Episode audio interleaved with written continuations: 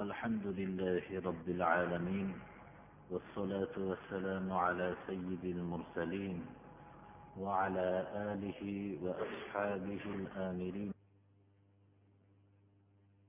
إلى يوم الدين. أما بعد السلام عليكم ورحمة الله. qur'oni karimdan davom etayotgan darsimiz sura nisoning meros haqidagi oyatlariga kelgan edi. Alloh subhanahu va taolo bandalarga ota onalardan ham mehribondir. Ularning hayotlarida tamomiy rizq bergan zot ularni yo'qdan bor qilib ularning hayotlarida rizq bergan zot ota onalari o'tib ketgandan keyin ham ularning qolgan meroslarini keyingi avlodga alloh subhanahu va taolo o'zi taqsim qilishlikni iroda qildi. Va bu taqsimda biror bir kishining johiliyat davridagi qilingan rioyalari birontasi rioya qilingani yo'q.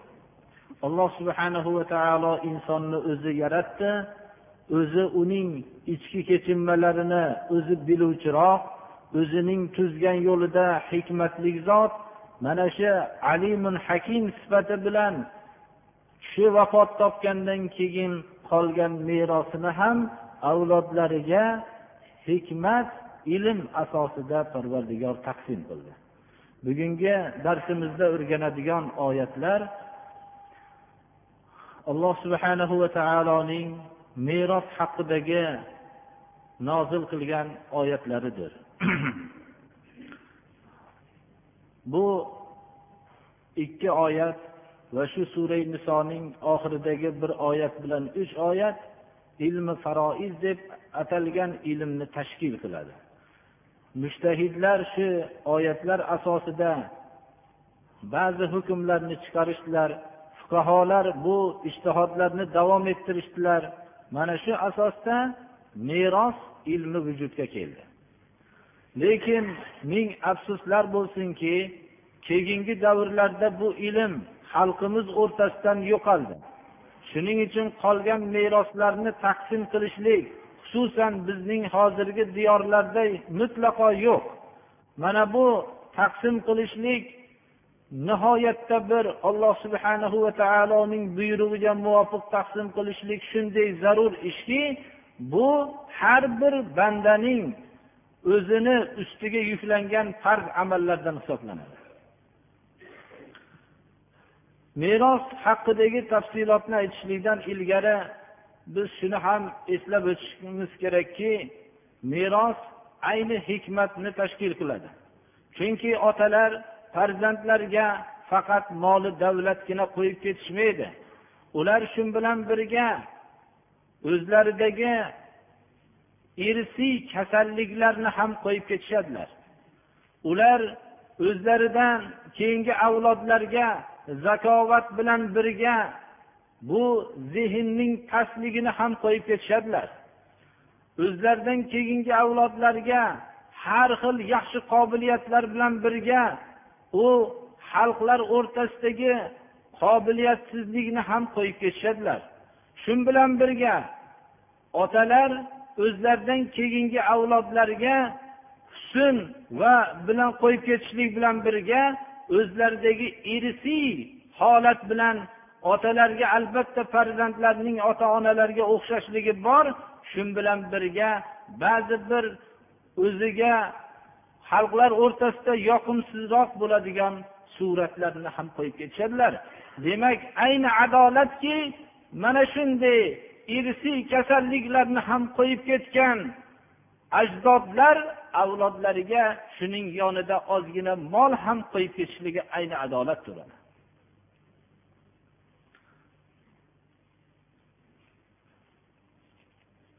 أعوذ بالله من الشيطان الرجيم يوصيكم الله في أولادكم للذكر مثل حظ الأنثيين alloh subhanahu va taolo sizlarga farzandliklar haqida avlod kalimasi arab tilida o'g'il va qizni o'z ichiga oladi agar arab tilida o'g'ilni o'zini maqsad qilinsa ibn kalimasi bilan agar qizni o'zini maqsad qilinsa bint kalimasi bilan iste'mol qilinadi ammo avlod bu valad kalimasining jami bunda o'g'il qizni o'z ichiga oladi.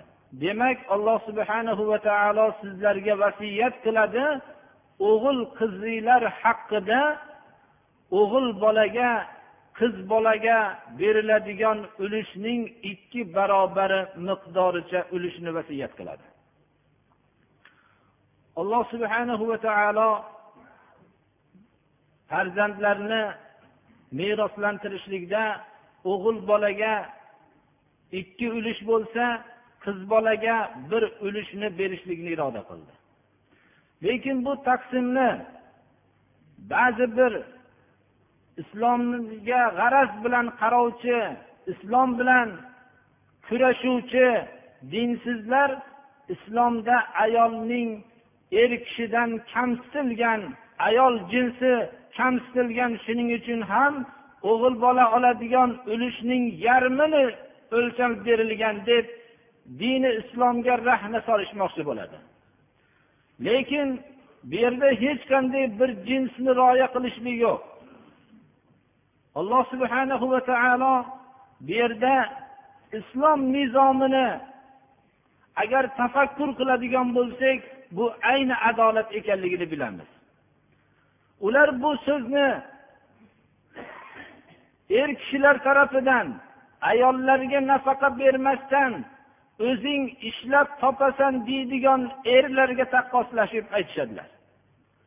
Ular ayollarining yemoq ichmoq kiymoq bo'lgan nafaqalardan bosh tortgan erkaklarga nisbatan buni bu fikrni xalqlar o'rtasida tarqatmoqchi bo'lishadilar. Lekin alloh subhanahu va taolo bizlarga islom yo'lini nizom qilib jo'natdi. Bu nizomda er kishi o'zining oilasini nafaqalantirishlikka majburdir. Ayol kishining yemoq ichmoq kiymoqdan iborat bo'lgan nafaqalari er kishining zimmasiga yuklanadi. Demak u vazifa bilan o'zining ota onasiga qaraydi. Mana bunday vazifalarni o'tovchi kishiga merosdan bo'lgan nafaqaning ko'proq bo'lishligi ayni hikmatdir. Ayol kishi bo'lsa bu merosdan bo'lgan ulushini olib faqat o'ziga sarf qiladi.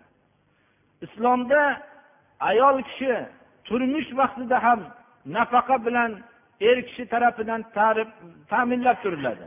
Hatto turmushdan judo bo'lib taloq qilingan holatida ham idda muddatida taloq qiluvchi er tarafidan nafaqasi berib turiladi. U vaqtda ham nafaqadan mahrum bo'lmaydi. Demak er kishining ikki ulush olishligi ayol kishining bir ulush olishligi ayni bir hikmat bo'ladi. Lekin o'zlarining nizomlariga qaratib turib ayollar nafaqasidan bosh tortuvchi erkaklarga qarab turib bu fikrni bayon qilishlik mutlaqo bu islomga to'g'ri kelmaydi birodarlar.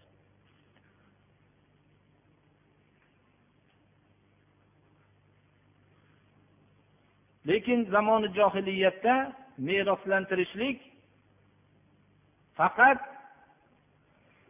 jangga qodir bo'lgan kishilargagina meros berilardi bolalar merosdan mahrum qilinardi ayollar mutlaqo merosdan mahrum qilinardi. Yoyinki shu yerda merosni katta farzandga berilardi. Demak islomdan ilgarigi johiliyatdagi merosni taqsim qilishlik odamlarning inson degan nuqtai nazardan taqsim bo'lgan emas. Islom insonlarni inson degan nuqtai nazari bilan ularga merosni taqsim qiladi. Ular katta farzandlarga berilishlik bular hamma jangda ishtirok etadigan kishilar degan hisob bilan hisobga olingan xolos. Agar demak bir kishi vafot qilsa undan o'g'il qizlargina qolgan bo'lsa boshqa merosxo'r bo'lmasa u suratda molni uchga bo'linadida ikki ulush o'g'il bolalarga bir ulush qiz bolalarga taqsim qilinadi.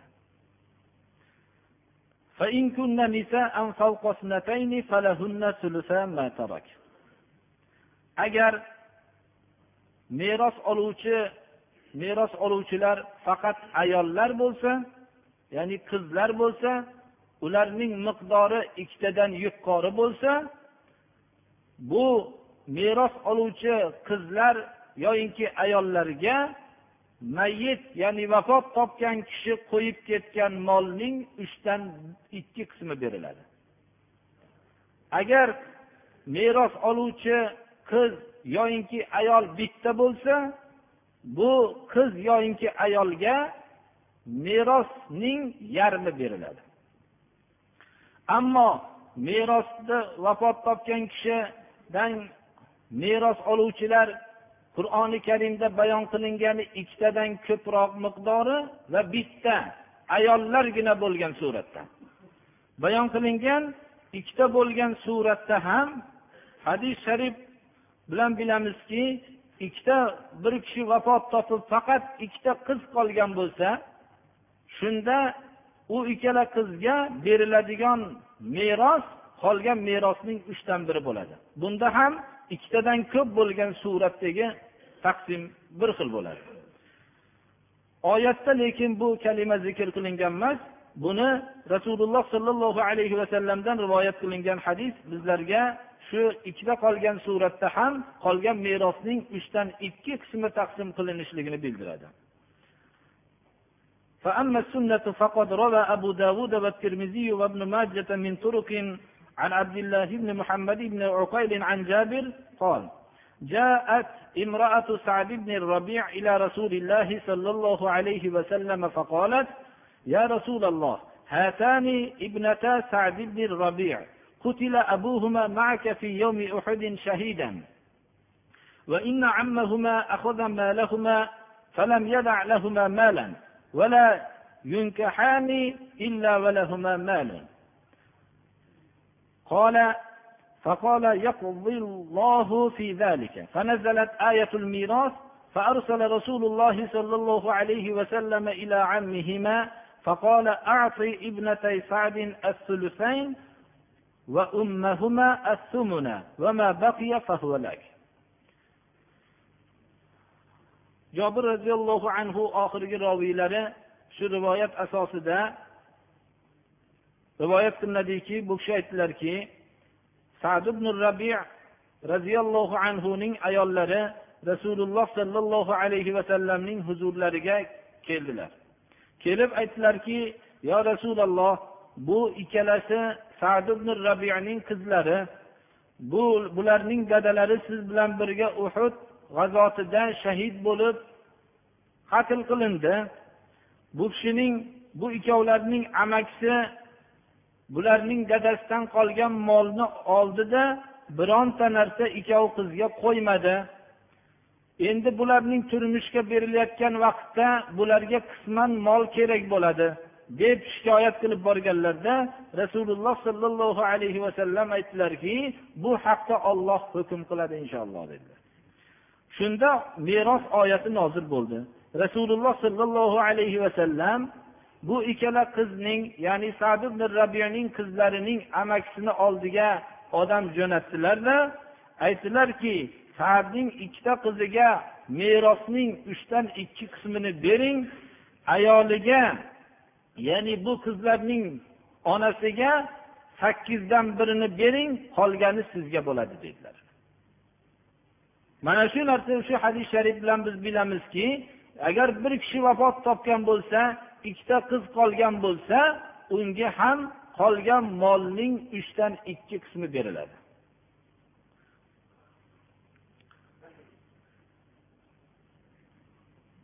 Bu meros oyatlarida birinchi farzandlarni muqaddam qilinyapti. Chunki merosdan asosiy foydalanuvchi kishilar keyingi avlod tarafiga qaratilingan ikkinchi qismida ota onalarga bo'lgan taqsim bayon qilinadi استعيذ بالله ولأبويه لكل واحد منهما السدس مما ترك إن كان له ولد فإن لم يكن له ولد وورثه أبواه فلأمه الثلث فإن كان له إخوة فلأمه السدس ota onalarning meroslanishligi uchta surati bor birinchi surat ota ona bir kishi vafot topgan vaqtda uning ota onasi bo'lib ular bilan birga farzandlari ham bo'ladi. Bu suratda ota onaning har biriga qolgan molning oltidan biri taqsim qilinadi. Har birlariga oltidan bir ulush tegadi. Bu farzandlar bilan birga bo'lgan suratdagi taqsimidir.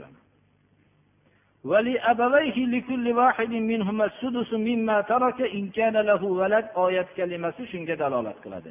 Ya'ni vafot topgan kishining ota onasini har biriga qolgan ya'ni vafot topgan kishi qo'yib ketgan moli davlatning oltidan biri beriladi. Agar farzandlari bo'lgan suratda. Vafot topgan kishining farzandlari bo'lgan suratda. Agar farzandi bo'lmasa molga ota onasi merosxo'r bo'ladi. Bir kishi vafot topsayu farzandsiz bo'lsa ota onasi hayot bo'lsa molni merosxo'ri ota onalar bo'ladi.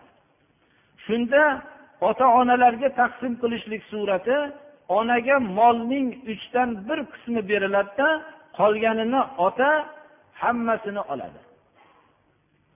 Uchinchi holat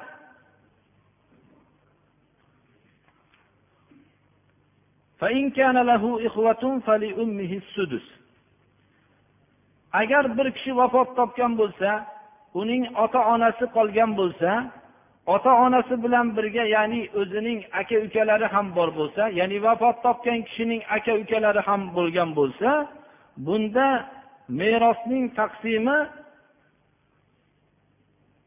ota onalar turganda albatta boshqa farzandlarga meros berilmaydi. Lekin ular ona olmoqchi bo'lgan uchdan bir ulushni oltidan birga ko'chirib qo'yishadi. Ya'ni taqsim shunday bo'ladiki agar bir kishi vafot topsa ota onasi hayot bo'lsa u bilan birga aka ukalari ham qolgan bo'lsa shunda onaga oltidan bir ulush beriladida qolganini ota oladi. Mana bu ota onaningga bo'lgan taqsimning uch holatini tashkil qiladi. Lekin bu ulushlarni berilishlik albatta vasiyat qilgan vasiyati ijro qilingandan keyin va qarzlari bo'lsa qarzlari o'talgandan keyindir. Oyati shunga dalolat qiladi. Lekin shu bilan birga yaxshi bilishimiz kerakki bir kishi vasiyat qilgan bo'lsa bu vasiyatni ijro qilinadi. Merosxo'rga bo'lgan vasiyat vasiyat hisoblanmaydi. Chunki u merosxo'r alloh subhana va taolo tarafidan tayin qilingan ulushni oladi. Shuning uchun boshqa merosxo'r bo'lmagan kishiga bir molini vasiyat qilgan bo'lsa unda merosxo'rlarga zulm bo'lgan suratda ham vasiyat ijro qilinmaydi. Vasiyat molning uchdan bir qismigagina o'tadi. Bir bir kishi uch ming miqdorida pul qo'yib ketgan bo'lsa bu vasiyat molim falonchiga berilsin desa shuning ming so'migagina vasiyat o'tadi eng ko'p miqdorda. Undan ortig'iga vasiyat yurmaydi. Shu bilan birga berilsin degan odam merosxo'r bo'ladigan bo'lsa vasiyat u merosxo'rga vasiyat o'tmaydi. Chunki u alloh subhana va taolo tarafidan tayin qilingan ulushini olgandan keyin vasiyat bilan bir narsa olmaydi. Avval bir kishi vafot topgandan keyin sarf qilinadigan narsa birinchi qarzini beriladi. Va kafanligiga bo'lgan narsalar ham uning meros narsasidan taqsim qilinishligi shart turadi. mabodo boshqa kishilar qilgan bo'lsa ham bo'laveradi lekin shu narsalar sarf bo'lgandan keyin meros taqsim qilinadi abu qatoda roziyallohu anhudan rivoyat qilinadiki قال رجل يا رسول الله أرأيت إن قتلت في سبيل الله أتكفر عني خطاياي فقال رسول الله صلى الله عليه وسلم نعم إن قتلت وأنت صابر محتسب مقبل غير مدبر ثم قال كيف قلت فأعاد عليه فقال نعم إلا الدين فإن جبريل أخبرني بذلك rasululloh sollallohu alayhi vasallamning oldilariga bir kishi kelib yo rasululloh ollohning yo'lida men shahid qilinsam mendan xatolarim kafforat qilinadimi? deb so'radilar. Shunda rasululloh sollallohu alayhi vasallam aytdilarki ha agar ollohni yo'lida shahid qilinsangiz sabr qilgan holatda ketsangiz ollohdangina ajr istasangiz chekinmasdan shahid bo'lgan bo'lsangiz alloh subhanahu va taolo xatolaringizni kechiradi dedilar. Keyin aytdilarki nima deb so'radingiz dedilar. Shunda qaytardi u kishi. Suollarini qaytardi. Ya'ni olloh yo'lida men shahid qilinsam gunohlarim kechiriladimi deb qaytarib savol qildi. Shunda aytdilarki ha olloh gunohlaringizni kechiradi ammo qarzingizni kechirmaydi dedi. Chunki jibril alayhissalom meni shu qarzning kechirilmasligi bilan xabardor qildilar hozir dedi. abu qatoda bu roziyallohu anhudan yana rivoyat qilinadiki rasululloh sollallohu alayhi vasallamning oldilariga janozalarini o'qilishligi uchun bir kishini olib kelindi payg'ambarimiz sollallohu alayhi vasallam aytdilarki sollu ala sohibikum فإن عليه دينا فقلت هو علي يا رسول الله قال بالوفاء قلت بالوفاء فصلى عليه janoza olib kelingan vaqtda abu qatoda roziyallohu anhu aytadilarki rasululloh sollallohu alayhi vasallam aytdilar deb bu birodaringlarga ning janoza namozini o'qinglar dedilar. Shunda buning sababini ham bayon qildilarki bu kishining qarzi bor ekan shuning uchun men o'qimayman dedilar. Shunda abu qatoda roziyallohu anhu aytadilarki bu kishini qarzi meni bo'ynimga deganlarida o'tab qo'yishlik bilan bo'yningizgami? deb qaytarib so'radilar yana. O'tab qo'ymoqchi bo'lyapsizmi? deb so'radilar. Ha o'tab qo'ymoqchiman dedilar. Shunda rasululloh sollallohu alayhi vasallam janozalarni o'qidilar mana qur'oni karimda ham meros taqsim qilinishligidan ilgari qarzni o'talishlik kerakligini vasiyatning ijro qilinishligi kerakligini ta'kidlab qo'yilyapti shuning uchun ham bir kishi vafot topgan bo'lsa uning hujjatli qarzi bo'lsa janoza namozi o'qilinishligidan ilgari bu kishining qarzini kim o'tab qo'yadi deyiladi. Shunda farzandlarning bittasi yo yaqinlarning bittasi men o'tayman deyishligi bilan bu odam xorij bo'ladi endi. Ana u albatta agar merosdan qolgan moli bo'lsa taqsim qilinishligidan ilgari qarzni o'tashligi kerak. Vasiyat bo'lgan bo'lsa vasiyat takror aytamiz merosxo'rlarga bo'lmaslik sharti bilan vasiyatni ham ijro qilishlik shart turadi آباؤكم وأبناؤكم لا تدرون أيهم أقرب لكم نفعا فريضة من الله إن الله كان عليما حكيما alloh subhanahu va taolo insonni o'zi yaratib o'zi rizq berib meros qo'yib ketayotgan molni ham o'zi bergan edi. Shu merosning yana avlodlarga taqsim qilinayotgan vaqtda yana ularning qalblariga malham qo'ygandek qilib shunda birovga ko'proq birovga ozroq bo'lgan qismda bir qalblarda bir adovat bir narsa paydo bo'lib qolmasligi uchun alloh subhanahu va taolo mana bu oyat bilan xitob qilyaptiki sizlarning ajdodiylarmi yoyinki farzandinglarmi? Ularning qaysinisi sizlarga manfaatliroq ekanligini bilmaysizlar. Inson alloh subhanahu va taolo tarafidan berilgan umrda yashab ozgina mol orttirib ham uning yana bir o'zi xohlagan odamga qo'yib ketishlikni qalbiga keladi. Shu vaqtda alloh subhanahu va taolo uning ixtiyorini olyapti. Bu molning taqsimini faqat o'zi qilyapti. Otaga ham onaga ham va farzandlarga ham tamomiy adolat bilan taqsim qilyapti.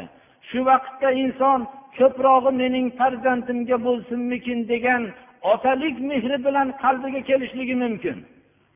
Yoyinki ba'zi bir kishilar farzandlardan ba'zi norozilik paydo bo'lganligi sababli bu mollar farzandlarimga qolmasin balki otalarimga qolsin degan fikr ham kelishligi mumkin hozirgi johiliyatimizda kamroq kelsa ham.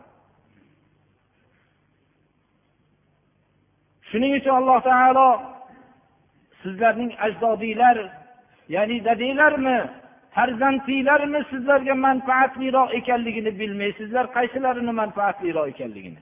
Shuning uchun ollohning hukmiga rozi bo'linglar.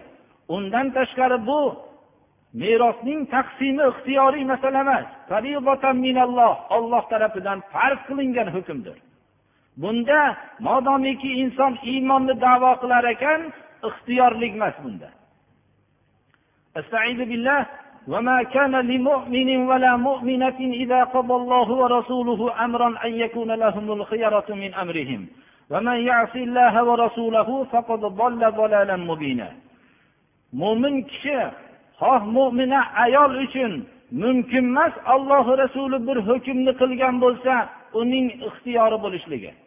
Kim ixtiyor menda molni men topdim men o'zim taqsim qilaman deb ollohning hukmiga rozi bo'lmasa u ochiqdan ochiq adashibdi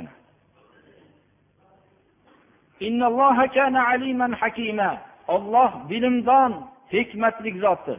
Olloh bu hikmati bilan bu merosning taqsimini o'zi taqsim qildi.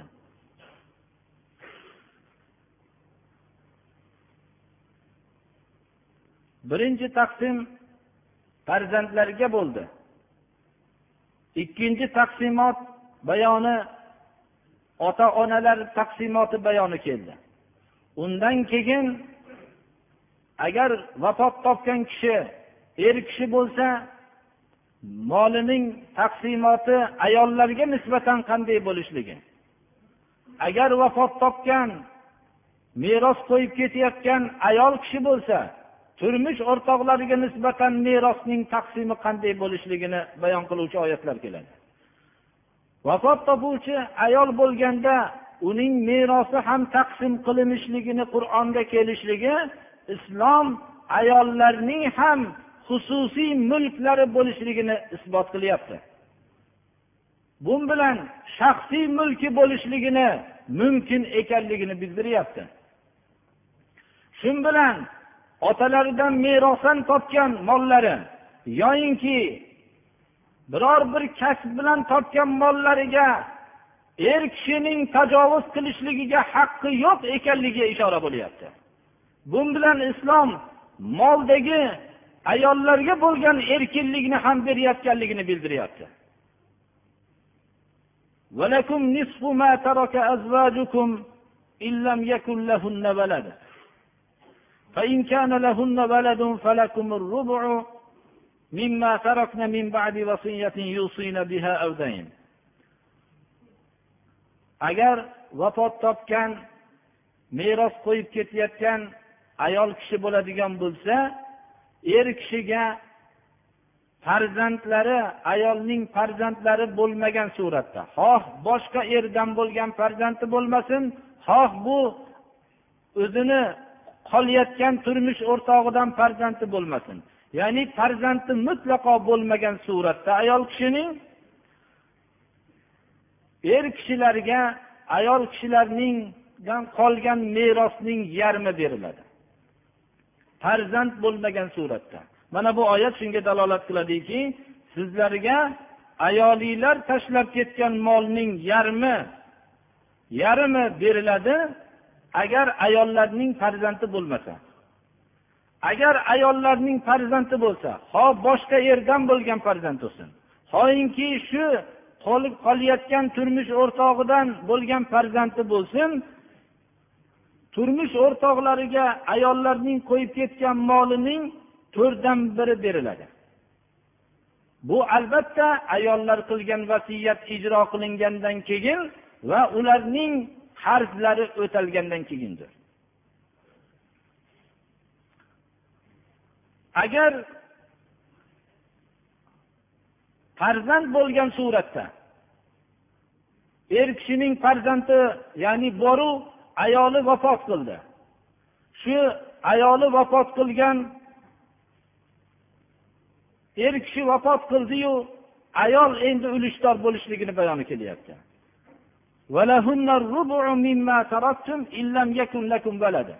فإن كان لكم ولد فلهن الثمن مما تركتم من بعد وصية توصون بها أو دين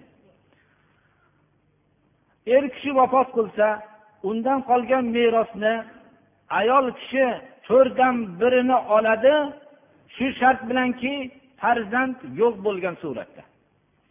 Mutlaqo shu kishining farzandi bo'lmaydigan bo'lsa vafot topgan kishining farzandi qolmagan suratda ayoliga qolgan molining to'rtdan biri tegadi.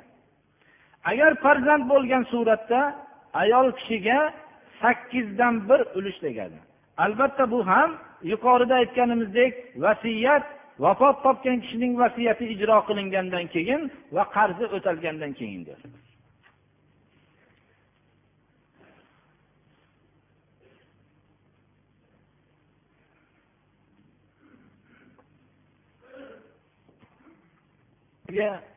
O'tgan darsimizda qur'oni karimdagi merosga taalluqli bo'lgan oyatning ba'zi qisminigina o'rgandik. Inshaalloh kelgusi darsimizda davom ettiramiz. Mana shu oyatlardan biz qanday o'zimizning hayotimizda zalolatga ketib qolganligimizni anglab olishimiz kerakki bir kishidan qolgan meros hozir uning agar kishi vafot qilgan bo'lsa shu vaqtni o'zida ayolida qolaveradi. U ota onalari tirik bo'lishligiga qaramasdan bu meros ularga tegmay qoladi. Agar mabodo ota onalarda bu moli davlat turgan bo'lsa bu ayollarga bu ulushlar tegmaydi. Mana bu narsa moli davlatlarning meroslarning taqsimi insonlar ixtiyorida bo'lishligi mumkin emas. Alloh subhanahu va taoloning taqsimiga rozi bo'lmoqlik kerak. Biz bilmaymizki qaysi tarafdan manfaat kelishligini bilmaymiz. Mana shu meros ilmini yo'qolishligi mana qiyomatning belgilaridan deyilgan. Payg'ambarimiz sollallohu alayhi vasallam marhamat qildilarki ilmi faroizni o'rganinglar chunki bu tamomiy ilmning yarmini tashkil qiladi. Kishilar meros ilmlarini o'rganishlikka bu modomiki iymonni davo qilishsalar majburdirlar bu qolgan meroslar ollohning taqsimi asosida taqsim qilinishlikka biz majburmiz. Agar shunday taqsim qilmasak biz qattiq gunohkor bo'lamiz. Hatto bu birovlarning haqqiga tajovuz qilishlikdan ham qattiqroqdir bu narsa. Alloh subhana va taolo tayin qilib qo'ygan merosni buzishlikdir bu. Mana bu ilm mutlaqo kishilar tarafidan so'ralishligi yo'qoldi. Shuning natijasida alloh subhana va taolo bilimdon hikmatli zot ekanligini yana bir bor bilindiki xalqlar o'rtasida ular tamomiy xalqlar o'rtasida bo'layotgan ba'zi yuz yillargacha davom etayotgan adovatlar mana shu merosning adolat yo'li bilan taqsim qilinmasligini natijasidadir ana alloh subhanahu va taolo hammamizni ham mana shu ilmi merosdagi taqsimotlarni bilib shunga amal qilishlikka alloh tavfiq bersin اهدنا الصراط المستقيم صراط الذين أنعمت عليهم غير المغضوب عليهم ولا الضالين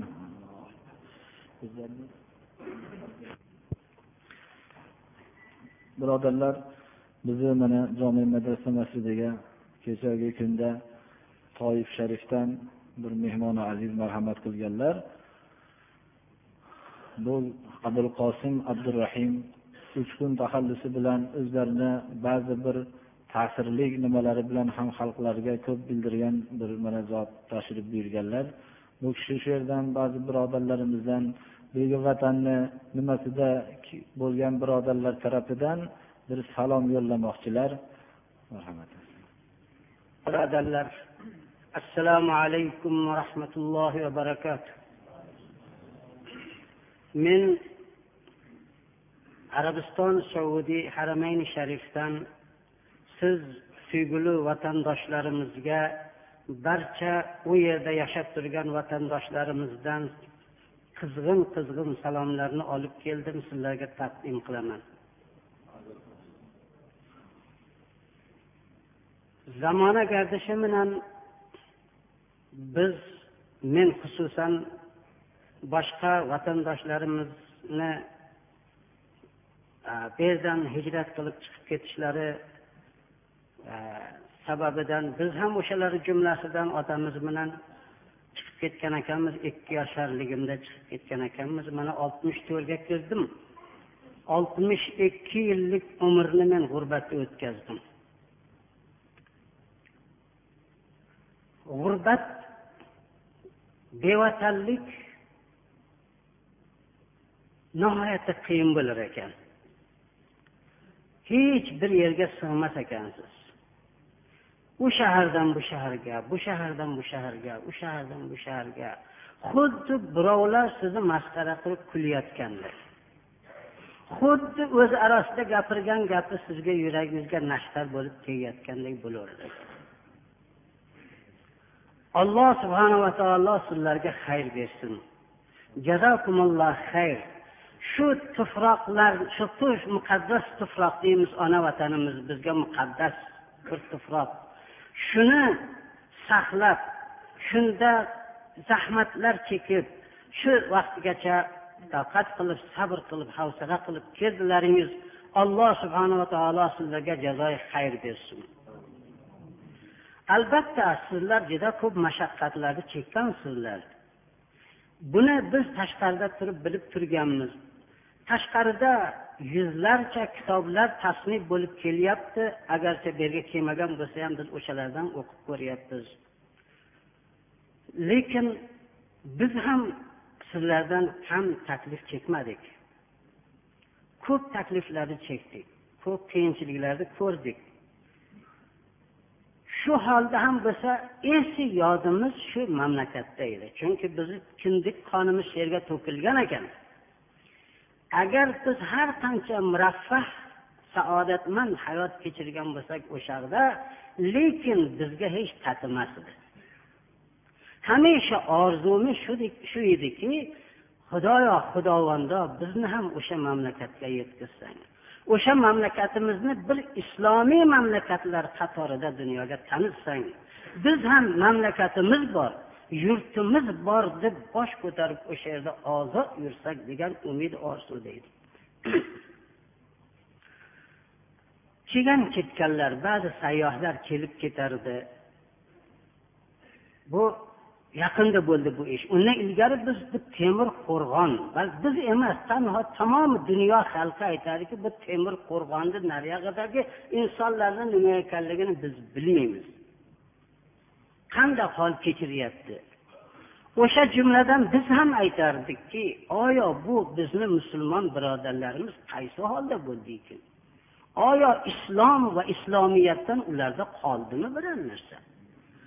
Yetmish yillik bir muddat uzun bir muddat bu.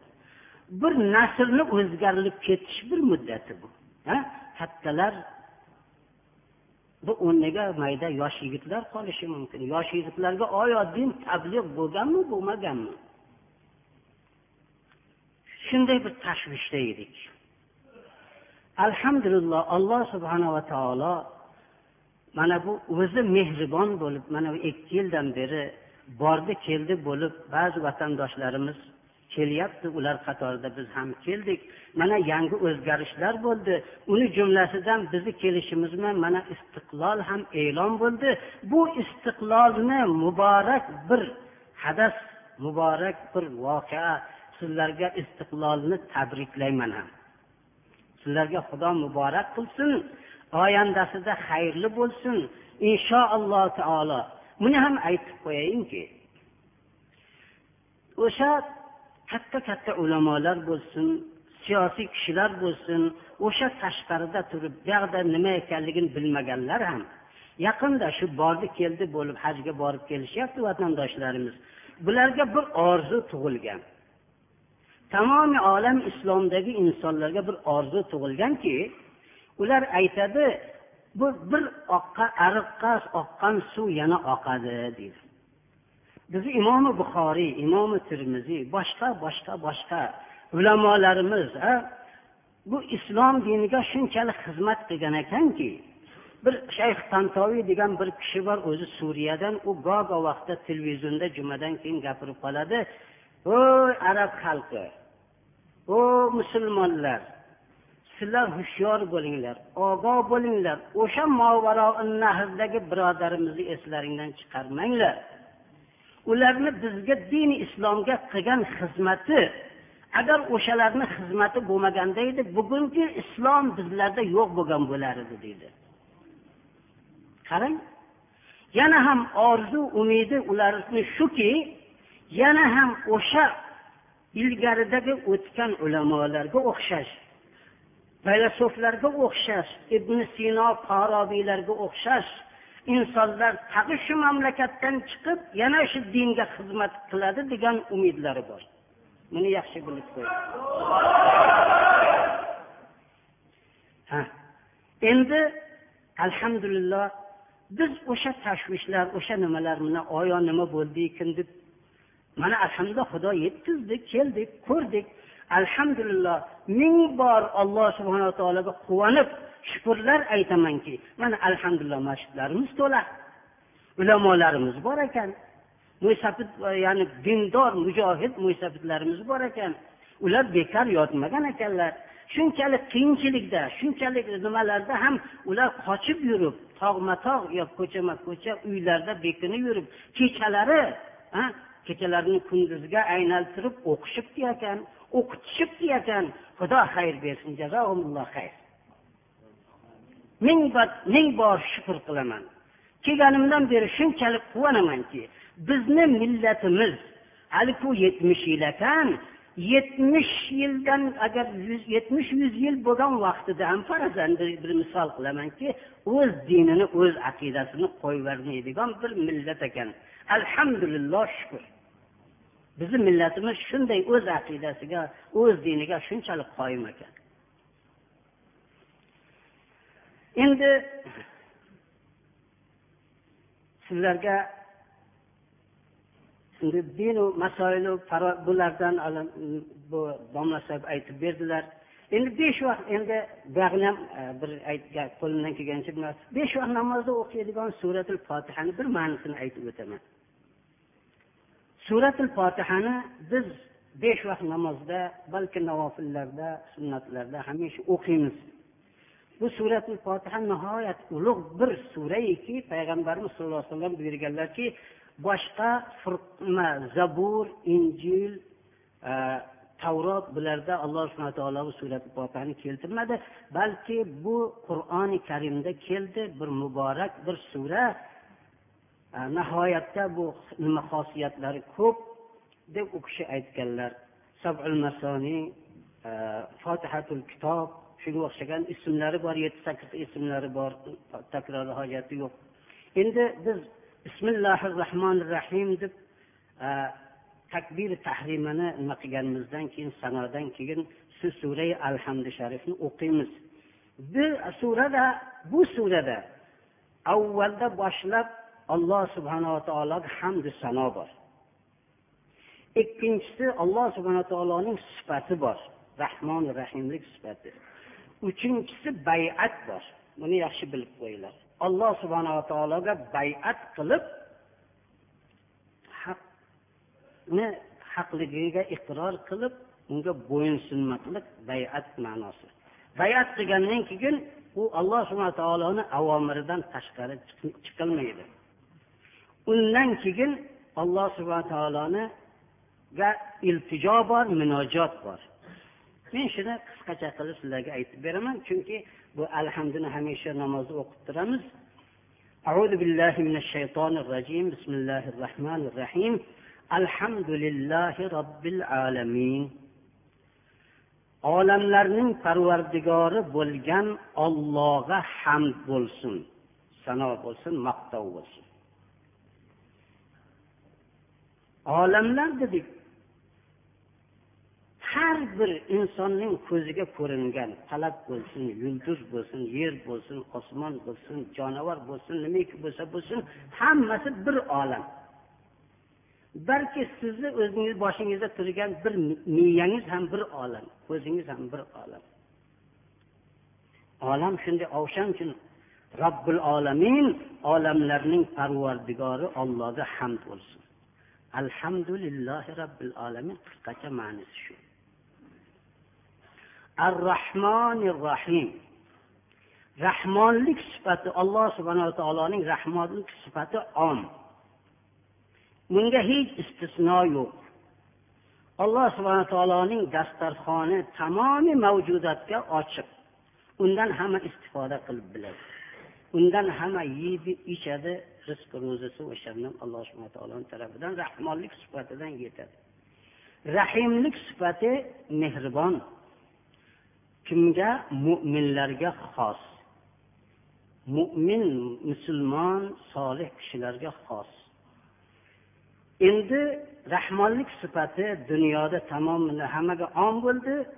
Mehribonlik sifati oxiratda mo'minlarga xos bo'ldi. Endi moliki yovmiddin degan vaqtimizda qiyomat kuni jazo kunining egasi podshohi deganimiz bo'ladi. U vaqtida alloh subhana taolo kimni bag'ishlaydi kimni azob qiladi u o'ziga o'zini ixtiyorida.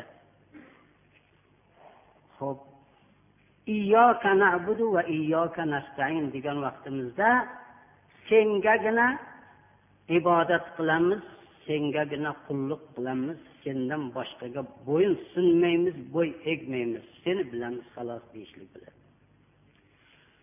Iyyoka nastain degani senga sendangina yordam tilaymiz. Sendan boshqaga bo'yin sunmaymiz sendan boshqadan madad tilamaymiz. Endi ba'zi bu yerda ota bobolarimizdan bir nima bo'lib rasm rivoj bo'lib kelgan shoy mardonga bor anonga bor manonga bor anonga nazr chiqar bunga chiqar deydigan gaplar bor. Buni nihoyat ehtiyot qilish kerak. Bu odamni shirkka olib boradi. Yaxshi bilinglar buni. Iyyoka nabudu va iyyoka nastain deganimizdan keyin sengagina qulluq qilamiz senga ibodat qilamiz sendangina yordam so'raymiz deganimizdan keyin avliyoullohlarni hurmat qilish kerak. Ziyoratlariga borish kerak lekin ulardan bir narsa talab qilishlik shirk bo'lib qoladi ehtiyot bo'lish kerak. Shirk qosh bilan qovoqni ustida turadi. Andak narsaga odam mushrik bo'lib qolishi bor. Siz boring ziyoratga boring. Avliyoullohlarni hurmat qiling haqlariga duoyi xayr qiling. Lekin bir narsani atab u kishiga atab so'ymang. So'ysangiz o'sha so'ygan narsangiz harom. O'zingiz gunohkor bo'lasiz. Buni ehtiyot qilinglar sengagina qulluq qilamiz. Sengagina ibodat qilamiz. Va nastain sendangina yordam so'raymiz. Boshqa kishidan boshqa narsadan boshqa mavjudotdan yordam so'ramaymiz. Bu bayat bu. Bayat qilganingizdan keyin undan keyin mustaqim. Endi bu yerda hamd aytdingiz sifatini aytdingiz bayat ham qildingiz. Endi ey bor xudoyo men senga bayat qildim. Sendan yordam so'rayman sengagina ibodat qilaman. Endi meni o'zing to'g'ri yo'lga boshlagin mustaqim. O'zing to'g'ri yo'lga bizni o'zing to'g'ri yo'lga boshlagin u qanday yo'l?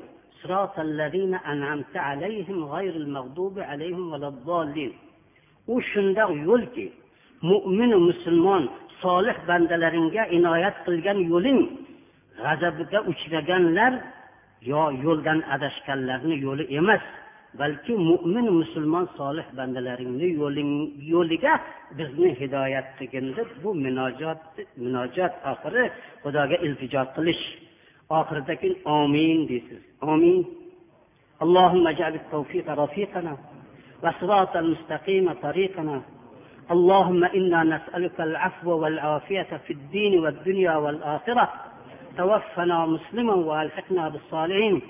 اللهم اهدنا واهد أبنائنا إلى صراطك المستقيم. اللهم بارك لنا في الرزق والحسنات.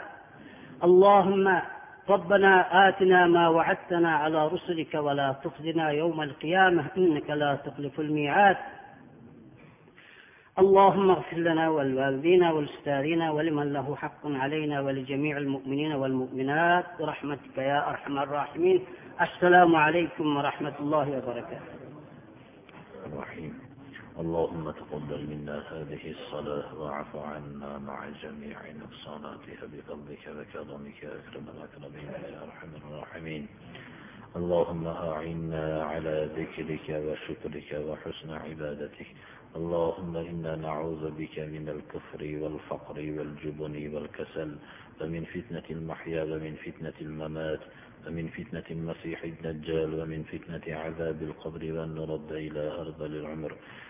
اللهم حبب إلينا الإيمان وزينه في قلوبنا وكره إلينا الكفر والفسوق والعصيان واجعلنا من الراشدين وتوفنا مسلمين وألحقنا بالصالحين غير خزايا ولا مفتونين. اللهم اقسم لنا من خشيتك ما تحول بيننا وبين معاصيك ومن طاعتك ما تبلغنا به جنتك ومن اليقين ما تهون به مصائب الدنيا.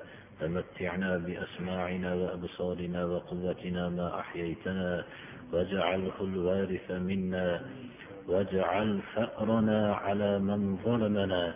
ولا تجعل الدنيا أكبر همنا ولا مبلغ علمنا. ولا تسلط علينا من لا يرحمنا. وصلى الله تعالى على خير خلقه محمد وآله وأصحابه أجمعين. الطاهرين الطيبين وارحمنا واحشرنا معهم. برحمتك يا أرحم الراحمين. الله سبحانه وتعالى كيف كشنا الزعافرين لكلر الله سبحانه وتعالى مخصد لنا برسن hammamizni ham gunohlarimizni mag'firat qilsin ibodatlarimizni qabul qilsin mehmonlarimizni hammalarini ham qadamlariga alloh hasanotlar bersin. Islom yo'lida xizmat qilayotgan kishilarning xizmatlariga alloh muvaffaqiyat bersin.